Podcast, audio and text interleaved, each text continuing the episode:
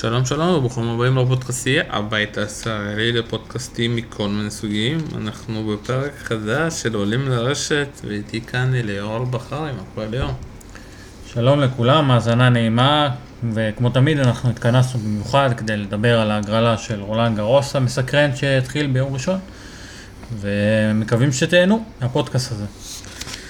כן, אז אנחנו ככה לקראת רולנד גרוס, שהולך להיות די מעניין. אנחנו ככה הצלחנו להשתחרר, אפשר להגיד, לחמישה ימים האחרונים, עם נציגה מיוחדת שהולכת להיות שם, דנה ברגר.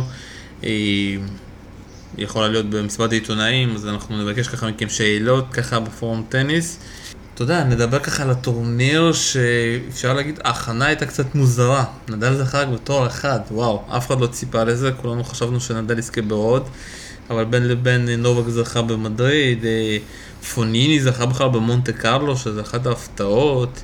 אה, ברצלונה, נדל גם הפסיד, אז אה, טים זכה, ואז אתה יודע, הוא די התקשה אפשר להגיד, גם ברומא עם כל הבלאגן שהיה שם, שהפסיד לוורדסקו, הוא הפסיד גם לפדר במשחק די צמוד, איך אתה מסכם, אפשר, אם אפשר לסכם בכלל את עונת החמר הנוכחית? אז עונת החמר הנוכחית הייתה מסקרנת במיוחד, כמו שאמרת, אה, גם מונטי קרלו שהתחיל עם הפתעה גדולה, הניצחון של פוניני על נדל, אה, מלך החמר, מלך אה, מונטי קרלו, האלוף הכמעט נצחי שם. אומנם פוניני ניצח את נדל בעבר, אבל זה היה יותר מקרים של אחד ל, מאשר דפוס פעולה, וכמה שכולנו ידענו שפוניני הוא באמת שחקן מסוכן, עדיין הפסד של נדל הוא נחשב הפתעה, לא משנה מתי.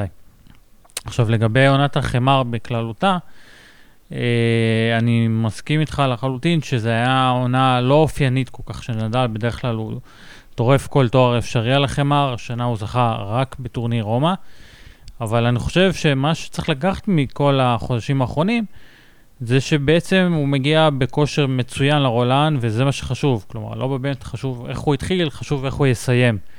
גם אם היו לו בדרך מעידות לא אופייניות במונטי קרלו, ברצלונה, מדריד, אה, אנחנו נוטים לשכוח שנדל הוא בסופו של דבר, גם הוא בן אדם, כמה שזה לא נראה הגיוני. אה, אז הוא הפסיד, בסדר, אבל אה, עכשיו ברומא הוא נראה מצוין, והכושר הנוכחי שלו לקראת העולם גרוס נראה טוב מתמיד. טוב, אתה יודע, זה לגמרי הייתה עונת חימה אה, די מוזרה, כי לא הצלחנו כל כך להבין מי יכול להגיע לרולנד ובאמת לתת את אה, שלו. ואני קצת רוצה להחזיר אותך קצת לאופוריה, אחרי השחייה של טים, והאופוריה שהייתה אצלנו בפורום, שאנשים, הנה המחליף של נדל, והנה השחקן הבא שייקח את כל הגרנדסלמים, ואנשים שאמרו, מה, מה, איפה אתם נמצאים, מה פתאום? ואז הגיעו ההפסדים שלו ברומא ובמדריד אפשר להגיד, ואז עוד פעם, אתה יודע, כל הפתאום האלה שדיברו על טים ירדו ככה למחתרת. איך אתה ככה מקבל את זה, את, אה, את כל הפסטיבל סביב אה, טים? אני חושב שברמה הבסיסית ביותר זה טבעי, אתה יודע, אחרי ניצחון כל כך, אה, כל כך גדול, כל כך מדהים, חד משמעי של טים נגד נדל במדריד.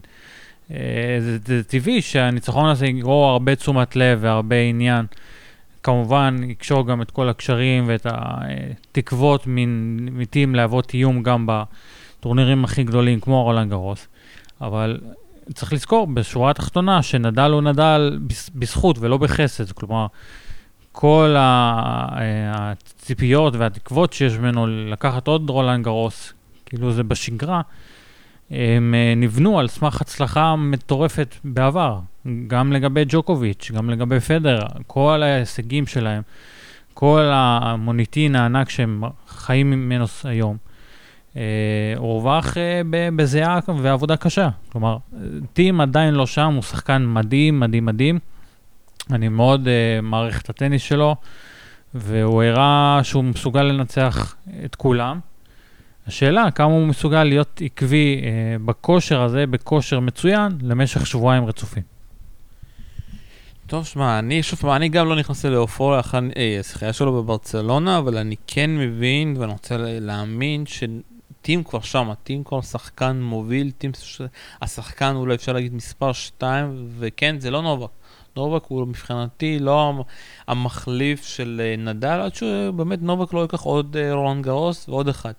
אבל אם אתה מסתכל ככה, מה יקרה שנדל יעזוב את הסבב, אתה יודע, יפרוש, ייפצע עוד פעם, אני כן רואה טים לוקח, שנדל לא נמצא שם, שוב פעם, נותן פה כוכבית, במידה ונדל לא נמצא שם, אני אומר שטים יותר פייבורית לקחת את התור הזה, מאשר נובק למשל. ואתה יודע, אנחנו מתחילים לדבר ככה על ההגרלה, אפשר להגיד שהם קיבלו שתיהם הגרלות, הוא ונובק קיבלו הגרלות די קשות.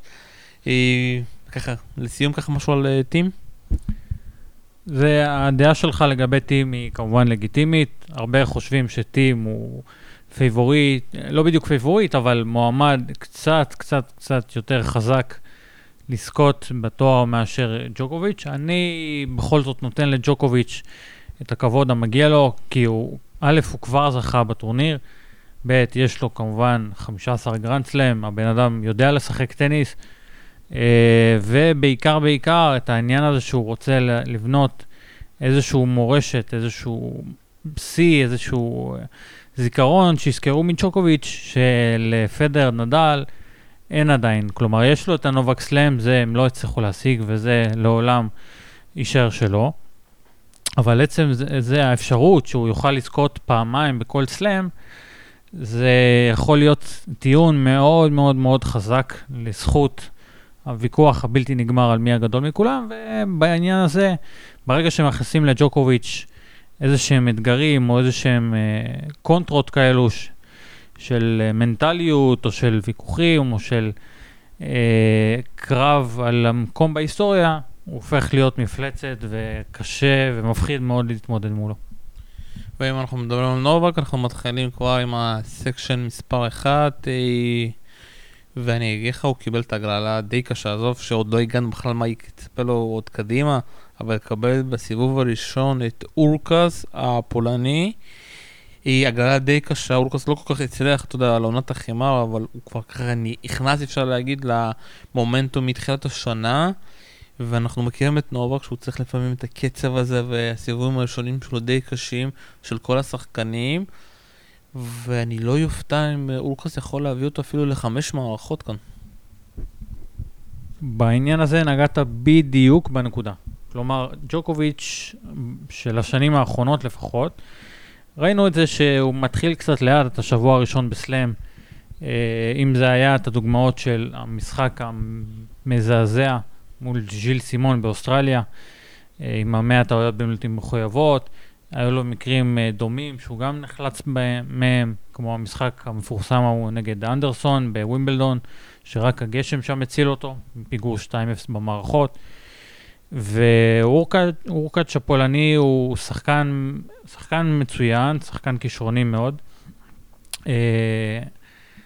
לא היו לו תוצאות מדהימות במיוחד בעונת החמר הנוכחית, אה, אבל הוא שחקן שיכול להוות סיכון במידה מוגבלת. אני לא חושב שבטוב מחמש הוא יצליח אה, ליצור את הסנסציה המטורפת שכולם ידברו עליה, אבל הוא בהחלט יכול למתוח את ג'וקוביץ'. זה הקטע שהוא יכול באמת uh, למתוח את uh, נובק ג'וקוביץ', כי uh, שוב פעם, זה שחקן לקבל אותו בסיבוב הראשון די קשה. ככה אם אנחנו מסתכלים מה הלאה, אתה יודע, יכול אחרי זה אולי לקבל את קוארי או עולה ממוקדמות, גם מונר הספרדי מהאקדמיה של נדל נמצא כאן, סימון ושפובאלוב גם נמצאים פה. ואתה יודע, זה גם השחקן שאני מאוד אוהב, שפבלוב אה, משחק מול שטרוף, ושמע, שפבלוב הזה מקבל את הגרלות הכי קשות. שטרוף נראה לי בעונת השיא שלו. אה, הוא מצליח לעשות הרבה תוצאות טובות, אה, שיחק אפילו מול נדל די מעולה, אם אני זוכר אותו בברצלונה, ניצח את סיליץ' ברומא. הגרלה שאתה יודע, די חבל, שוב פעם, שפבלוב זה לא, אתה יודע, החיימר הזה, הוא לא צריך להצליח פה יותר מדי. אבל הוא יכול להצליח כי יש לו את הטניס, אבל שטרוף יכול, שוב פעם, יכול להגיע כאן יותר, ואני מאמין שהוא יכול בסוף להגיע בסיבוב השלישי מול אה, צ'וריץ'. המשחק הזה פתוח, כן, אני מסכים, המשחק הזה פתוח. Uh, בעניין הזה, שפוולוב הוא שחקן מצוין, ציינת את זה בעצמך, יש לו טניס נפלא, אבל הוא עדיין לא בשל uh, להגיע לרמות הכי הכי גבוהות. כמובן הוא עוד צעיר, יש לו את, יש לו את הזמן הזה, יש לו את כל העתיד לפניו. והסיבוב הראשון זה משחק מאוד קשה מבחינתו, כלומר סטרוף, שטרוף הגרמני, אה, הוא שחקן שמגיע במומנטום טוב, שחקן עם אה, טניס גדול, big hitter, אה, שיכול לעשות לשפובלוב לא מעט בעיות. אה, אבל גם מעבר לזה, אם אני מסתכל ככה על השמות שיש כאן ב section הזה של הגרלה, בורנה צ'וריץ' נראה כבן אדם העיקרי ללכת עד שמינית הגמר, כלומר, הוא מאוד מאוד מאוד עקבי, ראינו במערכה הראשונה מול פדר ברומא שקשה לשחק איתו בצורה, אה, כלומר צריך להיות מאוד יצירתי נגדו, לשבור לו את הקצב, כי כשהוא נכנס לקצב הוא שחקן מדהים והוא לא מחטיא אף כדור. אה, השאלה איך הוא יתמודד עם, ה, עם האתגר של טומי חמש, של חמר, הוא עדיין גם יחסית צעיר ואין לו את הניסיון של אחרים. לכן יש פה מקום מסוים להפתעות, אני מהמר עליו לשמינית. על מי אתה מהמר? בורנה צ'וריץ', כנראה נגד ג'וקוביץ'. אני חושב שהמאבק הולך להיות דווקא בסיבוב השלישי בין סטוף לצ'וריץ', שגם שיגיע לחמש מערכות, כמו אני אומר לך, והמנצח זה יהיה מישהו שיצליח להתמודד עם הלחץ. אני מקווה שבפריז, אתה יודע, קר יותר, ונראה לי שקר יותר שם, מאשר פה אצלנו בחום המטורף. אנחנו עוברים לסקשן אה, מספר 2, פוניני מול ספי בדרבי איטלקי, אתה יודע, קצת אה, חבל לי על ספי, שככה הוא צריך לפגוש את חברו לנבחרת. דלבוניס כאן, אתה יודע, דלבוניס אה, עכשיו בשבוע הזה עושה תוצאות טובות, ניצח את, במקרה אפשר להגיד את דמיטרוף, שנמצא פשוט בעונה מזעזעת. אנחנו רואים בו גם את uh, מיסטר פריץ וטומיץ' ואוטיסט ההגות, ליוביץ', ליוביץ' אפשר להגיד התופעה הכי מעניינת של העונת החמר הזאת עם חצי גמר, אה, אפילו גמר, אתה יודע, גמר במונטה קרלו ואז אחרי זה הוא לא מצליח לנצח משחק אחד, זה קרה לו גם לדעתי לפני שנה שהוא הצליח במדריד, שחקן, אתה יודע, שקשה מאוד להבין מה, מה הולך אצלו בראש. אנחנו גם רואים פה את uh, זוורב. אפשר להגיד, השחקן שנמצא בכושר הכי רע.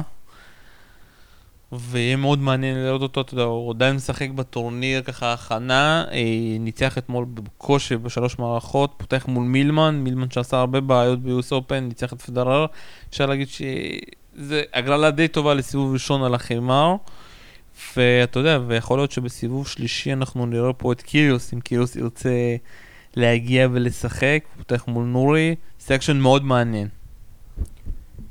מסכים איתך לחלוטין שהחלק הזה בהגרלה הוא מאוד מאוד מעניין בגלל כל סימני השאלה שיש בו.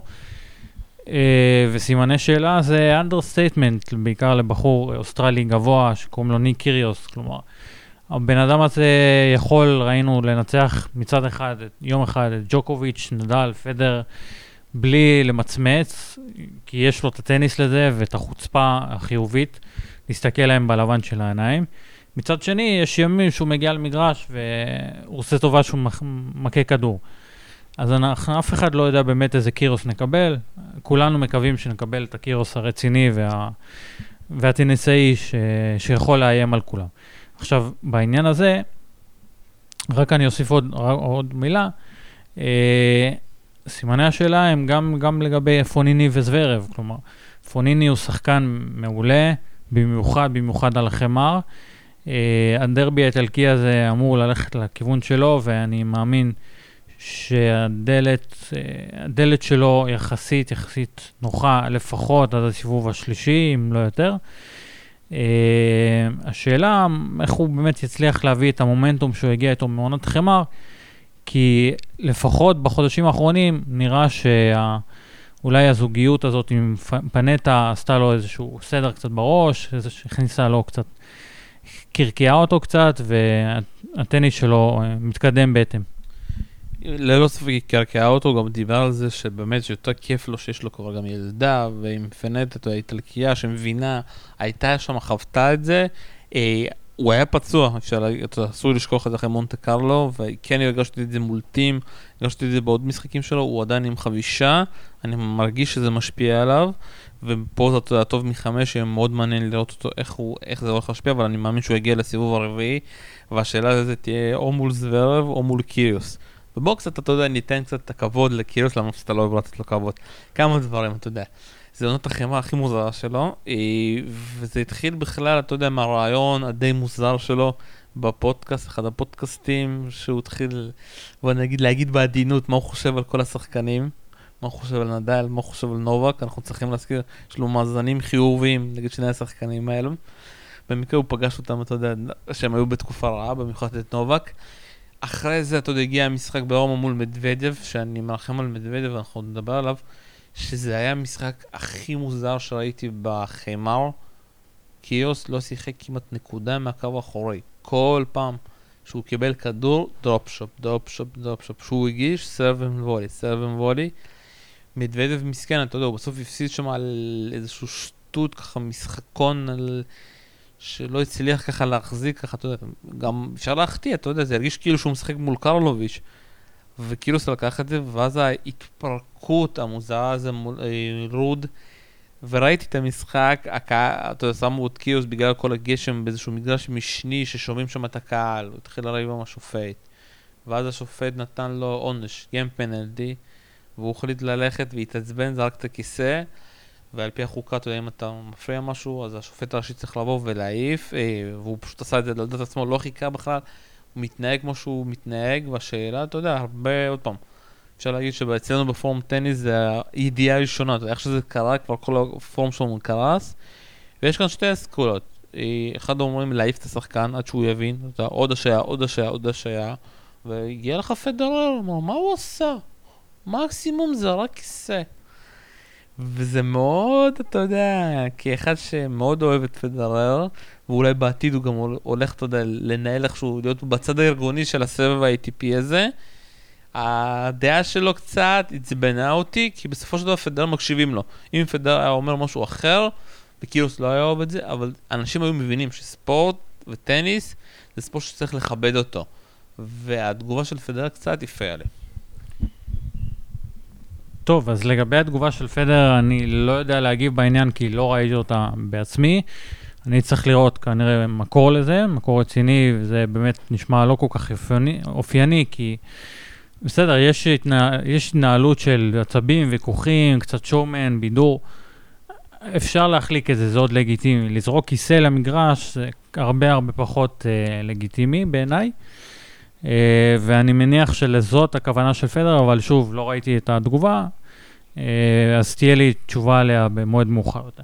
עכשיו, לגבי אה, קיריוס עצמו, כן, אתה אמרת את זה בעצמך, המשחק מול קספר רוד היה אחד המשחקים הביזאריים ביותר שנתקלתי בהם, אם זה הרגשות של serve and volley, underarm, drop shots, כל, כל מה ש... כל התרגילים שראיתם בספר ולא ראיתם במגרש, במשחק חי אי פעם, אני מציע לכם לראות את התקציר ולגלות אותם. הנקודה עם קירוס זה שאולי הוא קצת שורף לעצמו את כל הקשרים, כלומר, בשורה התחתונה, אתה רוצה שיזכרו אותך לא כליצן, אלא כשחקן אה, טניס עם הישגים, קבלות, עם תארים, שבאמת תרם משהו, ולא, ולא יזכרו אותו בתור המשוגע הזה שזורק דברים על המגרש. שיזכרו אותו בגלל ניצחונות ענקיים, בגלל הישגים ספורטיביים. אז לכן אני חושב, בגישה האישית שלי ואיך שאני רואה את זה, שלנסות להטיל עליו כל פעם עונשים והרתעות וקנסות, לא בטוח שזה משיג את התוצאה הנכונה. כלומר, אני לא יודע מה, מה אפשר לעשות איתו, אבל uh, בשורה התחתונה הוא מזיק רק לעצמו. טוב, אתה יודע, בוא קצת נאמר פה, אני אומר, לסיבוב השלישי מגיע זר מול מילמן, פוניני מול בתיסגות, ואז אנחנו, אה, שוב פעם, זה מאוד קשה, אבל אני לא יודע באיזה כושר ואיזה שיגעון קיוס יגיעו, אבל אה, אני לא אופתע אם קיוס בסוף נראה אותו בסיבוב הרי מול פוניני. מה ההימור שלך? אה, זה באמת קשה, קשה מאוד להמר פה על התקדמות בחלק הזה של ההגרלה. פוניני לדעתי נראה די יציב בשמינית הגמר למרות פוטי הסתהגות, הוא כנראה אה, עדיף עליו. אה, קיריוס, זוורב וליוביץ' שנמצאים פה, הרבה יותר שקול. ליוביץ' יכול לפרוץ פה כסוס שחור, אה, ואתה יודע מה, יאללה, אני, אם הוא באמת מגיע ב, במומנטום ובכושר המנטלי והפיזי של מונטי קרלו, אני מוכן להמר עליו, על, ה, על הסוס השחור של הקטע הזה של הגרלה, במיוחד, במיוחד, כשזוכרים את השנה שעברה, אה, כמה, כמה הוא היה קרוב לנצח את זוורב, אני חושב שהיה לו אפילו מאץ' פוינט ביד, אה, וזה באמת היה הפסד קורע לב של חמש מערכות. ללא ספק. טוב, אנחנו עוברים לסקשן הבא. וואו, איזה section. דומיניק טים פותח מול אה, טומי פול, דיברנו קצת על טים, אנחנו נדבר על עוד ש... אני חושב שהוא, שוב פעם, באמת מספר 2 אחרי נדל, והוא צריך לזכות לפני נדל ברולאן גארוס. לא הגענו לנדל, אבל אתם, מי שמקשיב כבר מבין למה אני חותר שמי הולך לזכות גם השנה. אה, אני ככה מחפש מה עוד יש לנו פה מעניין, מונפיס פותח מול דניאל היפני. מנרינו יפתח מול אה, עולה מהמוקדמות, אה, מנרינו לא שחקן חימר כל כך טוב, דז'אמו פה מול אה, איזשהו כרטיס חופשי של אונג הצרפתי, ורדסקו כאן, אדמון כאן, שרדי כאן, אפשר להגיד כל השחקנים שתמיד מנצחים סיבוב אחד ומפסידים אחרי זה. מה אתה חושב על הסקשן הזה? כאן, לדוגמה, החלק הזה של הגרלה, או אולי החלום הכי רטוב של כל סוכנות הימורים, כי הכל פחות או יותר יכול לקרות כאן. אם זה שחקנים כמו ורדסקו, שהוא יכול להיות בגאד מוד, שהוא מנצח את נדל ומפציץ ווינרים מכל פינה במגרש, מונפיס, שראינו מה הוא מסוגל לעשות על חמר, כמו במפגש גביע דייוויס נגד פדר, פתאום יכול לשלוף לך ווינרים על ימין ועל שמאל, אה, ובמיוחד מול הקהל הביתי שיעליב אותו. אבל אה, בשורה התחתונה זה החלק של דומיניק טים, כלומר הוא הפייבוריט הכי הכי גדול, הרבה אנשים מהמרים, אה, מה, רואים בו כמי שיכול ללכת כמעט עד הסוף, או, או עד הסוף, תלוי את מי שואלים. אה, ואני אשאר גם עם ההימור המאוד שמרני הזה, כלומר אני לא רואה כאן יותר מדי אנשים שמאיימים על דומיניק טים, בטח בחמש מערכות. אה, אולי, אולי, אולי איזושהי הסתבכות תהיה לו עם מונפיס בשמינית הגמר, אבל גם בעיקר בגלל הקהל הצרפתי והאנרגיות המטורפות שיהיו שם, בשורה התחתונה הספורטיבית הוא פייבוריט כמעט, אה, פייבוריט מוחלט מול כל החלק הזה. ללא ספק, אה, אתה יודע, טים צריך לעבור ככה די בקלות, אתה יודע, כל מי שהוא צריך ככה עד הסיבוב הרביעי. ואז אתה יודע, השאלה מי יגיע לשם, ורדסקו יכול להגיע לפה, מונפיס יכול להגיע, מונפיס, אתה יודע, עכשיו אה, קצת מתפרסם בו, הופך לעצמו שחקן עם הזוגיות שלו עם סוויטולינה, והרבה פציעות, כמו סוויטולינה, אתה יודע, אולי הם ככה ביחד ככה, עושים ככה חילופי פציעות uh, ביחד, אבל השחקן שמגיע אולי במוד המנטלי הכי טוב זה ורדסקו, ניצחון מדהים, מדהים על uh, טים. היה משחק מאוד אה, קשה, תנאים מאוד קשים, עשר בבוקר שעון רומא, קהל, איטלקים, והוא הצליח ככה, אתה יודע, עם כל העצבים שלו, לא לעשות דאבל, למרות שהוא עשה כמה דאבלים בנקודות חשובות, ומי שיודע על מה אני מדבר יודע. אה, הצליח ככה לנצח את זה, וטים אחרי זה, אתה יודע, בכה קצת על המארגנים, שהם קבעו לו את המשחק הזה בעשר בבוקר. עשו יום לפני זה ביום רביעי, לא נתנו לאנשים לצאת, למרות שהמשחק לא היה צריך להיות, עם הגשמים. המלון מסתבר קצת רחוק משם, וצריך מונית מיוחדת. כל התנאים שם שהיו ברומא, וטים על זה מאוד בכה. אז פה אני שוב פעם, אני מהמר פה, אולי, אתה יודע, אני אלך על ורדסקו טים ושחזור המשחק הזה, שטים יהיה לו ככה זמן לנקום בו. מה ההימור שלך? אני לא מתנגד לזה, זה בהחלט משחק עם פוטנציאל נהדר. אני באופן אישי גם מאוד נהנה לראות את ורדסקו, הטניס שלו... קודם כל ברמה האסתטית הוא קלאסי ומדהים ויזואלית, מאוד כיף לראות אותו משחק טניס. הבעיה שזה לא תמיד מתחבר לו כמו, ש... כמו בימי הזוהר שלו של 2009, אה, אבל אה, הלוואי, אתה יודע מה, אני, אני לא מתנגד לזה, אם הוא יגיע לשמינית גמר נגד טים, יכול להיות כאן משחק נהדר. טוב, אתה יודע, והבן אדם הכי שמח שהוא לא איתו בסקשן זה קצ'אנוב. קצ'אנוב, אתה יודע, הפסיד לוורדוסקו, אפשר להגיד, גם ברומא וגם במדריד, אה, זה היה די הזוי שהוא הפסיד לו פעמים ברציפות והוא מקבל ספגה די קלה, סטבה בסיבוב הראשון, ואני חושב שהוא, שהוא במיוחד עם הדירוג שלו, 10, הוא צריך להגיע לסיבוב הרביעי, אני לא רואה מישהו שמפריע לו פה. דל פוטרו פותח ב... פותח מול יארי, במשחק מאוד מעניין, אפשר להגיד, בדרום, בדרבי דרום אמריקאי. אה, ואתה יודע, אני גם מוצא פה את אה, אוגר אליאסים, הקנדי שנמצא בעונת הפריצה שלו על סבב החימר. יכול לעשות משהו, יגיע עד הסוף, קשה לי להאמין.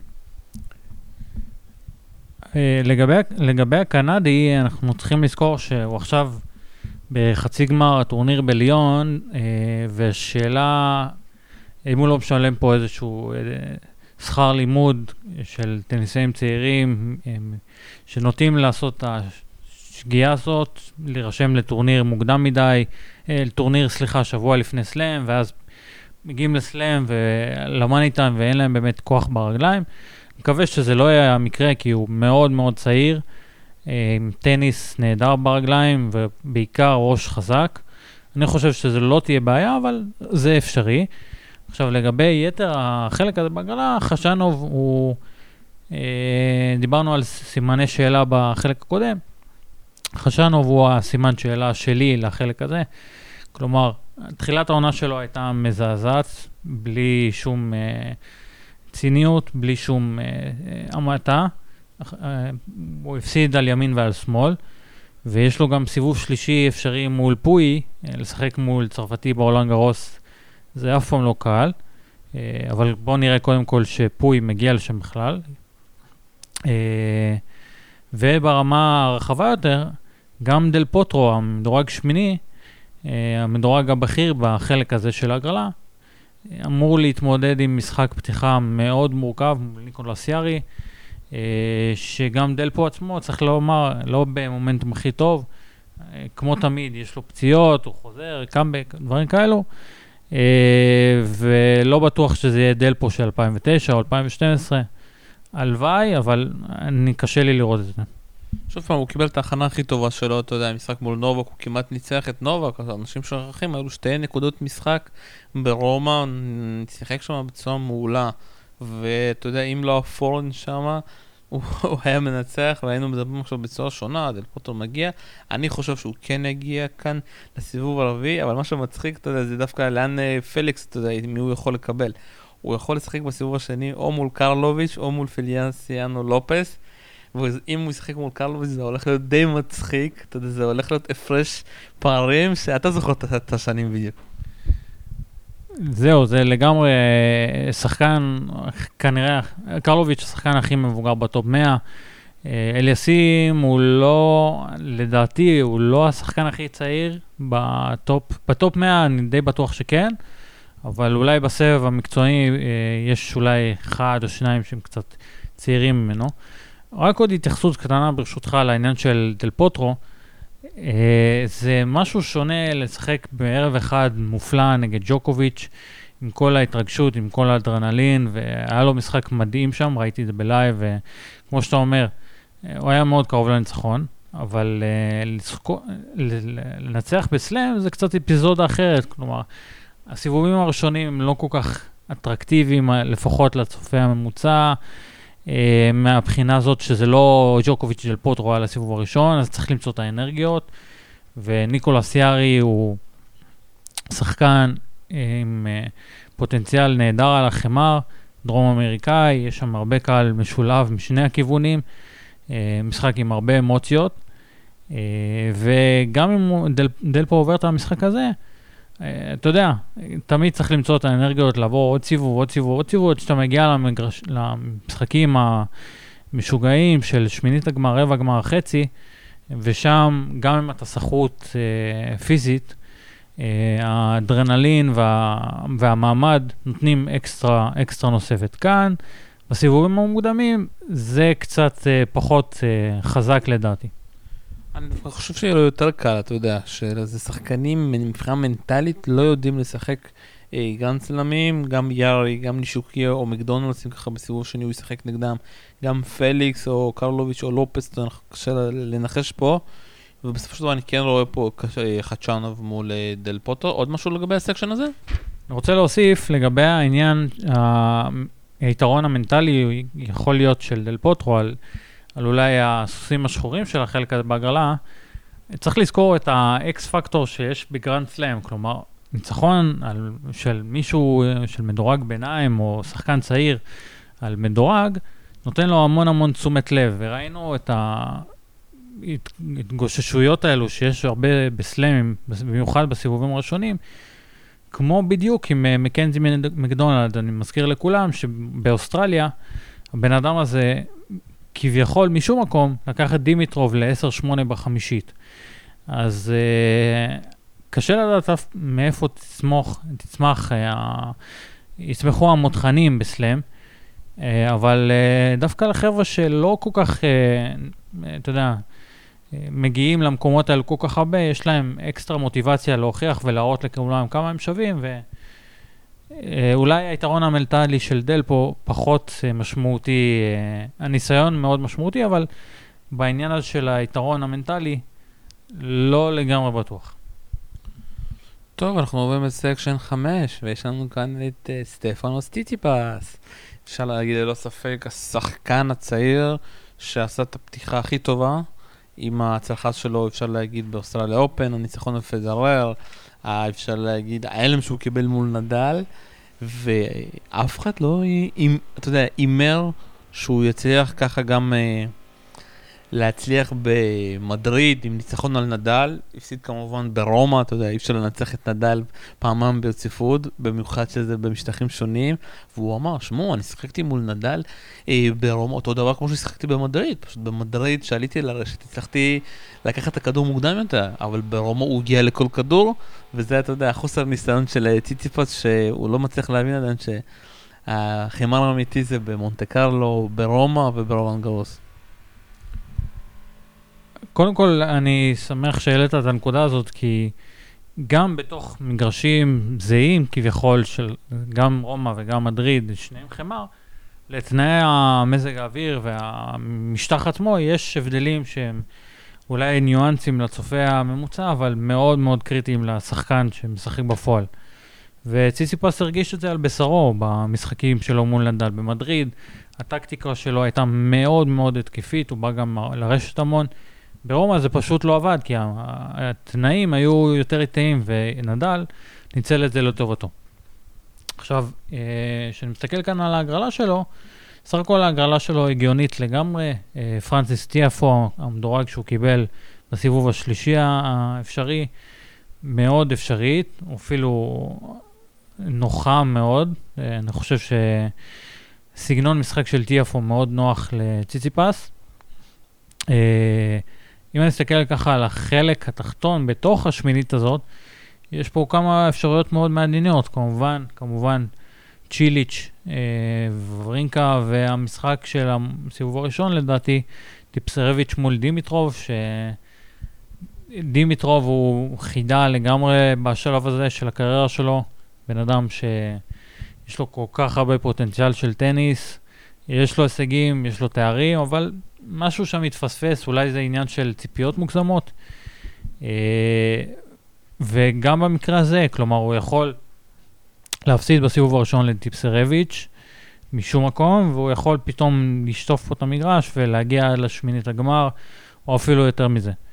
אה, אני לא חושב שזה יקרה, אני חושב שבכל זאת ציציפס הוא הבן אדם שירוץ פה קדימה עד שמינית ויותר, אבל אה, בוא, בוא נגיד ככה, שגם דימיטרוב, גם וברינקה וגם צ'יליץ' אה, לחמו בצורה מאוד מאוד הירואית על הכרטיס הזה, כי כל, הצ... כל הדרכים שלהם מצטלבות עד לסיבוב השלישי, אז הם חייבים להיכנס לטורניר הזה במומנטום נהדר ולהיות בכושר שיא מרגע הפתיחה. טוב, אתה יודע, סיריוש בעונה די גרועה בחמר, גם דמיטוב בעונה שהוא מצליח להפסיד כמעט לכל דבר. והתמונה הכי מצחיקה עם דימיטוב היה שהיה את הגשם ברומא הזה שאף אחד לא שיחק. הוא העלה תמונה שהוא, שהוא משחק, יודע, אפילו על הגשם, ולא משנה איזה גשם, הוא מתאמן, ולפעמים שחקנים צריכים להבין כמה שיש כישרון, אנשים צריכים, שחקנים צריכים לטפל גם בקטע המנטלי. דמיטוב שחקן מדהים.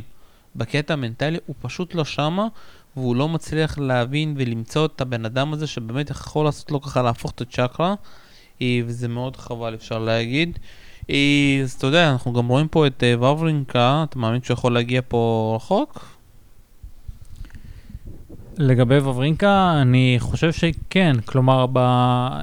תלוי כמה רחוק אתה מתכוון, אבל בסיבוב הראשון נגד קובליק, אה, הסלובקי, אה, סיבוב שני אפשרי מול אה, ריילי אופלקה או קריסטיאן גארין, שזה גם, הוא פייבוריט מול שניהם. אה, סיבוב שלישי קצת יותר מורכב, דימיטרוב, צ'יליץ', אה, שם זה קצת יותר בעיה, אבל אני חושב שוורינקה אה, על חמר הוא מאוד, הוא מרגיש מאוד נוח על המשטח הזה. אה, דיברת על זה שצ'יליץ', עונת החמר שלו וההכנה שלו לטורניר לא מדהימות בכלל. אז לכן וברינקה כן, אני חושב שהוא יצליח לפרוץ כל הדרך עד השמינית. באופן אישי אני גם מקווה שזה יקרה. אתה יודע, מה שמעניין כאן, ששוב, אנחנו לא יכולים לדעת מי יגיע מול ציציפס, כי כל אחד יכול לנצח מישהו ואז להפסיד, אה, זה לא שחקנים שהם, אפשר להגיד שהם חימריסטים אה, ברורים, זה יהיה מאוד מעניין. אנחנו עוברים לסקשן 6, אנחנו רואים פה את אה, צ'יצ'ניטו, שכנראה לא הגיע לחצי גמר, אתה יודע, אחרי מה שהוא עשה בשנה שעברה. שוב פעם, אתה יודע, יכול להיות שאנחנו גם נראה איזשהו שחקן שאף אחד לא חשב עליו, מגיע רחוק. וקשה מאוד לזהות את זה, אותו, הגיע משום מקום שם. וזה גם הסקשן של פדרר, אתה יודע, שחוזר לשחק אחרי 2015, אה, פותח מול סנגור, אחרי זה יכול לשחק או מול עולה מוקדמות או מול ג'זירי, אה, אחרי זה בסיבוב השלישי, אתה יודע, יכול להגיע לאיזשהו שחקנים לא מעניינים, ובסוף, או צ'יניטו, או כל שבר, אפשר להגיד, עד סיבוב הרביעי, פדרר קיבל את הגרלה הכי טובה מכל האנשים פה. חוץ מנדל, שעוד לא, לא הגענו אליו. אוקיי, okay, לגבי ההגרלה של פדר, תראה, אני לא חושב שההגרלה היא כזאת קלה כמו שאתה מתאר את זה. כלומר, אה, לורנצו סונגו וברטיני הם לא שמות גדולים ומפחידים כל כך כמו אולי וברינקה או דימיטרוב או אחרים, אה, אבל הם טניסאי חמר מאוד מאוד קשוחים. מאוד תובעניים, משחק, uh, המשחק, הם לפחות ינסו לגרור את פדר למשחקים ארוכים, פיזיים מאוד uh, וכבדים של טניס של 15 ו-20 חבטות מה baseline, הוא כמובן ירצה לקצר את הנקודות כמה שיותר. לכן, גם אם זה ש- שמות שהוא אמור להסתדר איתם, ואני מקווה מאוד כמובן שהוא יסתדר איתם, להגיד שזה הגרלה קלה, בסדר, יכול להיות, זה הכל בעיני המתבונן, אני מניח.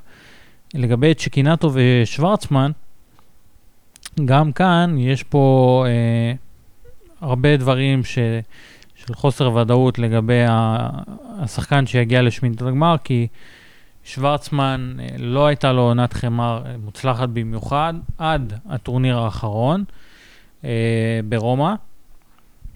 שם אה, הוא הצליח לדחוק טיפה את נדל. אה, אבל השאלה, שאלה מתבקשת זה האם זה היה איזה שבוע מופלא כזה והבלחה, או שבאמת הבחור התחיל, מצא את הטניס שלו. אם הוא באמת מצא את הטניס שלו, אני חושב שהוא קצת יותר עדיף מצ'קינטו, אה, ויש לו גם טיפה טיפה יותר ניסיון במעמדים כאלו גדולים, לכן אני גם הולך איתו. אני מאמר כאן בסיבוב הרביעי על פדרר אה, מול אה, שוורצמן. אני חושב שפדרר שוב פעם קיבל לדעתי את הגרלה הכי קלה עד הסיבוב הרביעי, אין פה שחקנים שיכולים להפריע לו. אתה יודע אם היה פה איזשהו קיריוס ורדסקו אולי, אבל כל השחקנים האלה אין להם ניסיון במעמדים האלה. וראינו את פדרר מול צ'וריץ' שהוא שמה, הוא מרגיש, הוא טוב. הוא מוכן מנטלית, בעיקר מנטלית, ואתה יודע, המשחק שלו מול צ'וריץ' היה בעיקר, אתה יודע, דוגמה, שהוא לא אחד שרוצה ככה אה, אתה יודע, קצת קשה וזה, לא, אני אלך לנוח וזה, לא, הוא נלחם, מחפש את הרזרבות האלו, ויהיה באמת מאוד מעניין. אנחנו מגיעים ל section 7, וואו, section מאוד קשה בשבילי. נישיקורי פותח מול אליס, ואז הוא כנראה יפגוש את צונגה. למפגש מאוד מעניין, שניהם, אתה לא בדקתי את ה-H2H שלהם, אבל בטח הם נפגשו הרבה. וכמו שאני מכיר את צונגה, אה, נישיקורי בטח מוביל עליו.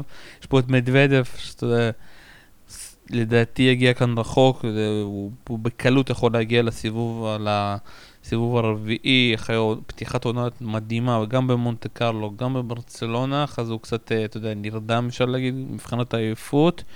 אה, יש לך פה דמינורו, רמוס וינולס, אבל אני חושב שנישיקורי מול מודוודיו בסיבוב רביעי די קל. לטעמי זה נראה באמת ככה, שקורה נגד מדוודב בשמינית.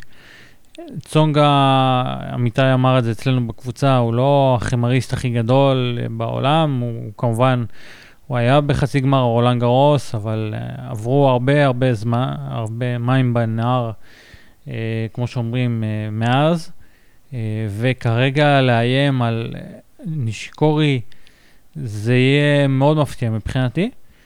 אה, גם מבחינת מדוודב, אם מסתכלים על החלק, על הצד שלו, בחלק הזה של ההגרלה, אז אין פה אתגרים מפחידים מאוד מבחינתו, כלומר גם דה uh, מינור, המדורג שלו בסיבוב השלישי, הוא שחקן יותר של uh, מגרשים קשים, הרבה פחות חמר, במיוחד אם הוא אמור לפגוש את קראנו בוסטה בסיבוב השני, שזה גם מוקש מבחינתו, אז מדוודב יחסית יכול להרגיש די בטוח. אה, כמובן, לא בטוח מדי, לא להגיע שאנן, אבל אני באמת מאמין בו כמוך. אז גם אתה איתי, נשקול מול מדוודב בסיבוב הרביעי? כן, זה נראה לי הימור די, די סביר, די בטוח. מוכן ללכת על זה. אני, אם אני צריך לדמיין איזשהו סוס שחור בפינה הזאת, אולי, אולי, אולי, אולי קראנו בוסטה, אבל זה באמת ירייה בהפעלה. אני חושב שמדוודב יסתדר איתו. והגענו לסקציה 8, ושוב פעם, אתה יודע, בכל פודקאסט אני מבקש סליחה מאוהדי נדל, שאני, אתה יודע, הרבה אנשים בוכים לך הפודקאסטים, אומרים לי, אני מגזים איתם, אני מגזים עם התיאורים שלי, אבל אני חייב להיות אמיתי. זה אחד ההגרלות, עוד אחד ההגרלות הכי קלות שנדל יכול לקבל. אין, אין פה בסקשן שלו שחקן שיכול להפריע לו, להקשות עליו, ואתה יודע, קצת להזיז אותו מ-6-1, 6-2, 6-3 כזה. נדל פשוט צריך איזשהו קרב, אתה יודע, והוא לא יקבל פה, אתה יודע, הוא פותח בסיבוב הראשון, גם בשני, ישחק מול עולם המוקדמות, ואז הוא יכול לקבל אולי את גופן. ובסוף, אתה יודע, לא יודע מי, גסקה, בששווילי, בששווילי בתקופה איומה פשוט, אה, גסקה אולי, שגם חזר מפציעה. אין, אין אה, הגרלה יותר קלה מנדל, ואת האמת, אני לא חושב שזה טוב בשביל נדל. נדל אוהב, נכון, להיכנס בצורה טובה, אבל ראינו את זה גם, אתה יודע, אה, ברומא, שהוא מקבל את השחקנים היותר קשים, יותר קל לו להתחבר. ראינו אותו אחרי ורדסקו, אחרי משחק קשה, איך הוא הגיע לחצי גמר. ואיך הוא הגיע לגמר מול נובק. הוא צריך את המאבק הזה, הוא צריך את ה fight הזה, ולא היה לו כאן, לא, ולא יהיה לו פה שום fight עד הסיבוב הרביעי. בשני הסיבובים הראשונים זה באמת נראה ככה, כלומר, השחקנים מהמוקדמות על הנייר לא אמורים להפריע לנדל, לדעתי גם הרבה הרבה מעבר לנייר, נדל favorite מול כולם אה, ברולנד גרוס מאלף עד תף, אז בעניין הזה בהחלט הוא אמור לשייט כאן אה, לפחות אה, עד הסיבוב השלישי גופן, לא אמור להפריע לו, אני מסכים איתך לגמרי, גם בזלשווילי, גידו פלה. זה לא מסוג השחקנים שמציקים לנדל, שנכנסים לו מתחת לאור הביג איטרס הגדולים האלו של אולי פוניני, סודרלינג בעבר, ג'וקוביץ', כל פעם שהוא נמצא מול נדל הוא הופך להיות אה, מפציץ הרבה כדורים מה backhand לכיוון ה forehand של נדל. יש פה הרבה שחקנים שהם נוחים ברמת ה match-up לנדל, ואני אני כן חושב שיש פה בעייתיות מסוימת שאין פה הכנה, כלומר אין פה fight רציני עד השבוע השני של הטורניר. אני כן מוכן לקבל את זה, ויש הרבה היגיון בטיעון הזה שאתה מעלה. מצד שני, אה, מצד שני, אתה יודע, בשבוע, בשבוע השני, אה, מול החבר'ה הגדולים, אה, גם המעמד, גם האתגר, מזמין עוד כוחות פנימיים משלך. אז, אז אולי מבחינתו זה בסדר לצבור את הביטחון הזה בשבוע הראשון, לקבל את האמונה המחודשת מחדש.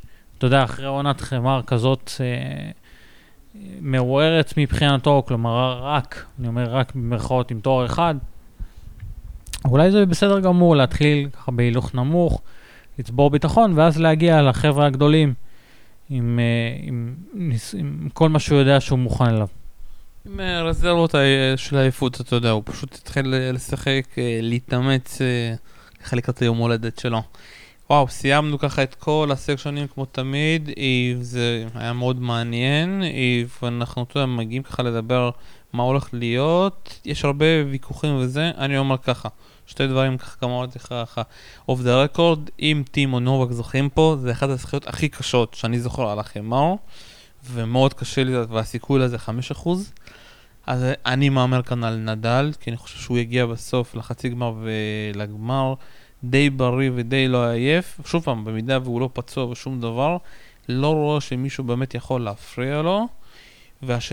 והשאלה שוב פעם הנשאלת כאן זה מי יגיע לחצי מהחצי הזה של נובק אה, וטים, אתה יודע, בסוף הם יצטרכו להיפגש ברבע הגמר, ואם, אתה יודע, השתיים האלה יגיעו בסופו של דבר לגמר מול נדל, זה יהיה איזה נובק ואיזה טים אנחנו נקבל, עייפים, לא עייפים, שחוקים, ראינו את נובק מול, אה, בגמר של מול רומא מול נדל זה לא היה כוחות, כי נובק שיחק שני משחקי ערב, התקשה גם מול אה, דלפו, גם מול שוורצמן, ונדל כזה הגיע די פרש אחרי משחק, אפשר להגיד שהוא הביא ככה מכות מול ציציפס, אז מאוד הולך להיות מעניין, ואני רואה שוב הגרלה מאוד מעניינת, יש הרבה שחקנים צעירים, יש הרבה שחקנים שחוזרים, ושחקנים שיכולים לעשות הפתעות. הגרלה לא מאוזנת בעליל, אנחנו רואים גם את ההגרלה של פדרר, גם הגרלה של נדל לעומת הגרלה של נובק. הרבה שאלות, פתאום זוורב כן יכול לפרוץ פה, אז יש כאן הרבה שאלות. אני חושב שהגרלה היא כן מאוזנת יחסית, אבל עוד פעם, זה עניין של uh, השקפה, כל אחד מבין את זה אחרת. לגבי איזשהו הימור קדימה, אני חושב שנובק נגד טים זה הימור לא רע בכלל לחצי גמר. אנחנו, אני מניח, נדבר עוד בשלב מאוחר יותר על הימורים לחצי גמר וגמר, אבל uh, ההגרלה, ההגרלה מלאה במוקשים פה ושם. Uh, אם אני מסתכל, על, אם אני מסתכל ככה על, על המומנטום לפחות, uh, שאנשים מגיעים איתו, אז המדורג, המדורגים הגבוהים אמורים באמת להיות פה uh, גם בשבוע, בעומק השבוע השני. לדעתי, אה, רק זוורב יימד פה מוקדם, כלומר, אני לא חושב שברבע הגמר יגיעו כל השמונה, שמונת המדורגים הבכירים, אה, אבל אה, יהיו פה הפתעות, כמו בכל סלאם. בעניין הזה של אלכסנדר זוורב, דיברנו עליו שהוא מגיע בכושר לא מדהים במיוחד, וגם ההגרלה שלו לא משהו. נובק ג'וקוביץ', טים, נדל, הם נראים בסדר גמור בשלבים, די, די בטוח בשלבים המאוחרים. ופדר, מה, ש, מה שיקרה יקרה, גם מבחינתו אני חושב זו הגישה שלו לשבוע, לשבוע, שבועיים הקרובים, שבסדר, גם הפסד כאן בסיבוב השמינית לשוורצמן, או אפילו רבע גמר מול ציציפס, וברינקה אולי אפילו, זה לא, לא כזה נורא. אז עכשיו לגבי הימורים אה, לשלבים המאוחרים, בוא נשמע מה אתה חושב, מה אתה, לאן אתה חושב כל אחד יגיע, רבע גמר, חצי גמר, גמר. כמו שאמרתי לך, אני מאמין שנדל מגיע לגמר, והוא יגיע לגמר או מול טים או מול דיוקוביץ', המנצח בין שניהם. מה אתה חושב? לדעתי זה גם הולך לכיוון הזה.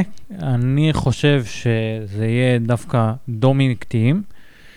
אה, לאו דווקא בגלל אה, דומיניק טים, אולי, אולי, אולי איזושהי מידע של אה, ג'וקוביץ' בדרך, אבל אה, המידע היחידה שיכולה להיות לו זה ברבע גמר אולי מול פוניני. כלומר, אה, תראה, אם, אם הוא לא... את, בוא, לשבוע השני הוא מגיע די בוודאות. כלומר, השבוע הראשון שלו, הוא יכול להימתח, כמו שדיברנו, נגד צ'וריץ' או אורקאץ', הם לא מספיק חזקים כדי לנצח אותו בתום מחמש. פוניני, לעומת זאת, יש לו את הבורג החסר הזה, כביכול, כמו שאומרים בראש, כדי להגיד לעצמו, כן, אני מסוגל לנצח את ג'וקוביץ' על חמר בתום מחמש. אז שמה אולי, אולי, אולי תהיה הפתעה, אה, אבל אה, חצי גמר בין ג'וקוביץ' לטים נראה די, די טוב. אני בסך הכל מהמר על נדל נגד טים בגמר. זה, זה ההרגשה, תחושת הבטן שלי בכל אופן. טוב, מאוד מעניין, אה, ללא ספק. ככה, לפני שאנחנו מסיימים, אה, תחפש פה ככה, אני כבר מצאתי פה איזשהו אנדרדוג שהולך לפרוץ. תחשוב בינתיים עד שאני מדבר, והאנדרדוג שלי זה רוד הנורבגי, אה, השחקן, אתה יודע, שנאלץ ככה לספוג את כל השטויות של אה, קיריוס ברומא, ויצא גם בדעה שצריך להשעות אותו לחצי שנה ועוד דברים, אבל אני כן מרגיש שזה פוטנציאל שעדיין לא פרץ, ויש לו הגרלה דווקא די קלה מול אנדוחר בסיבוב הראשון, אה, ואחרי זה הוא יכול לקבל את גולוביס או ג'זירי, ובסוף אני אומר שהוא גם יכול להגיע לשחק מול פדרר בסיבוב השלישי. אני כן מרגיש שהוא כן יכול ככה, אתה יודע, לפרוץ אה, כאן, וזה באמת יהיה מ- מאוד מעניין אם הוא יצליח לפרוץ. מי, מי אתה חושב? אני אה, קצת יותר אה, שמרן בבחירת הסוסים השחורים שלי. אה, קספר רוד הוא שחקן נהדר, אה, אבל אני חושב שהוא לא מספיק בשל לריצות ארוכות אה, בטורניר כל כך סיזיפי. אני אבחר במישהו אחר, אה, שם שהרבה כבר שמעתם עליו בשלב הזה, ופוטנציאל שגם אם לא שמעתם עליו, אתם חייבים להכיר אותו, זה הקנדי הצעיר, אליאסים. הבחור הזה, ללא ספק, אני מוכן להתחייב על זה, הולך להיות שחקן top 10 בשנים הקרובות, uh, במינימום. שחקן שיש לו כבר בגיל כזה צעיר כמעט את הכל. Uh, ממש שיפורים מאוד קטנים uh, של עקביות בתוך המשחק שלו, אבל הוא שחקן נהדר. ואני חושב שהוא מסוגל לעשות פה שמינית גמר, או אפילו מעבר לזה. גם מול חשנוב או פוי בשמינית, ביום אה, יום טוב, הוא לא, לא נופל מהם. אז אם צריך להמר על איזשהו מישהו בלתי, בלתי צפוי בשלבים העמוקים של הטורניר, אני הולך איתו.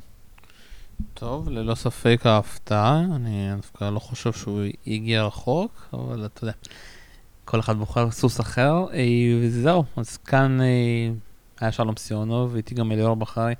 אנחנו, שוב פעם, אני מקווה שאנחנו נעשה כמה שיותר פודקאסטים, יש לנו נציגה מיוחדת, דנה ברגר, שתהיה אה, ברון גאוז בשבוע הראשון, אני מקווה שתביא ככה שאלות, ציטוטים, אה, רעיונות נהדרים. אה, אה, יהיו גם פודקאסטים שלה עם כל מיני אנשים מהתעשייה ברולנד גרוס.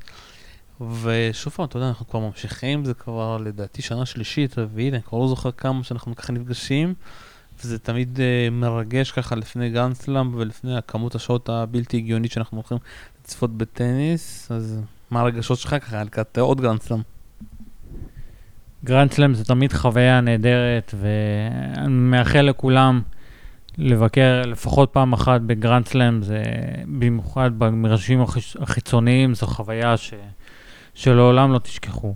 עכשיו, ב, ב, בעניין שלנו עצמנו פיזית, כן, אתה יודע, זה לא, לא, לכל אחד יש את העניין שלו, משפחה, לימודים, עבודה.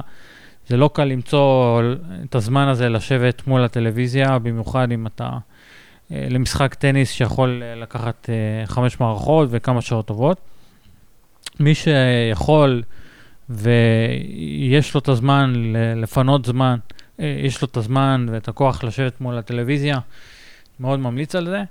אה, לגבי המעקב אחרי הטורניר, כמובן שכולם מוזמנים אלינו לפורום טניס בפייסבוק, פרסמנו עכשיו סדרה של מאמרים באתר וואלה, שמאוד מומלצים לקריאה ברמה מאוד גבוהה.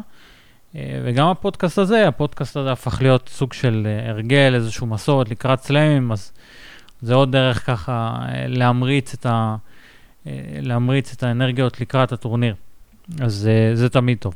ובעניין הזה אני מאחל לכולם, כמובן, אה, רולנד שמח, שיהיו הרבה משחקים אה, טובים, איכותיים, שכולנו נזכור.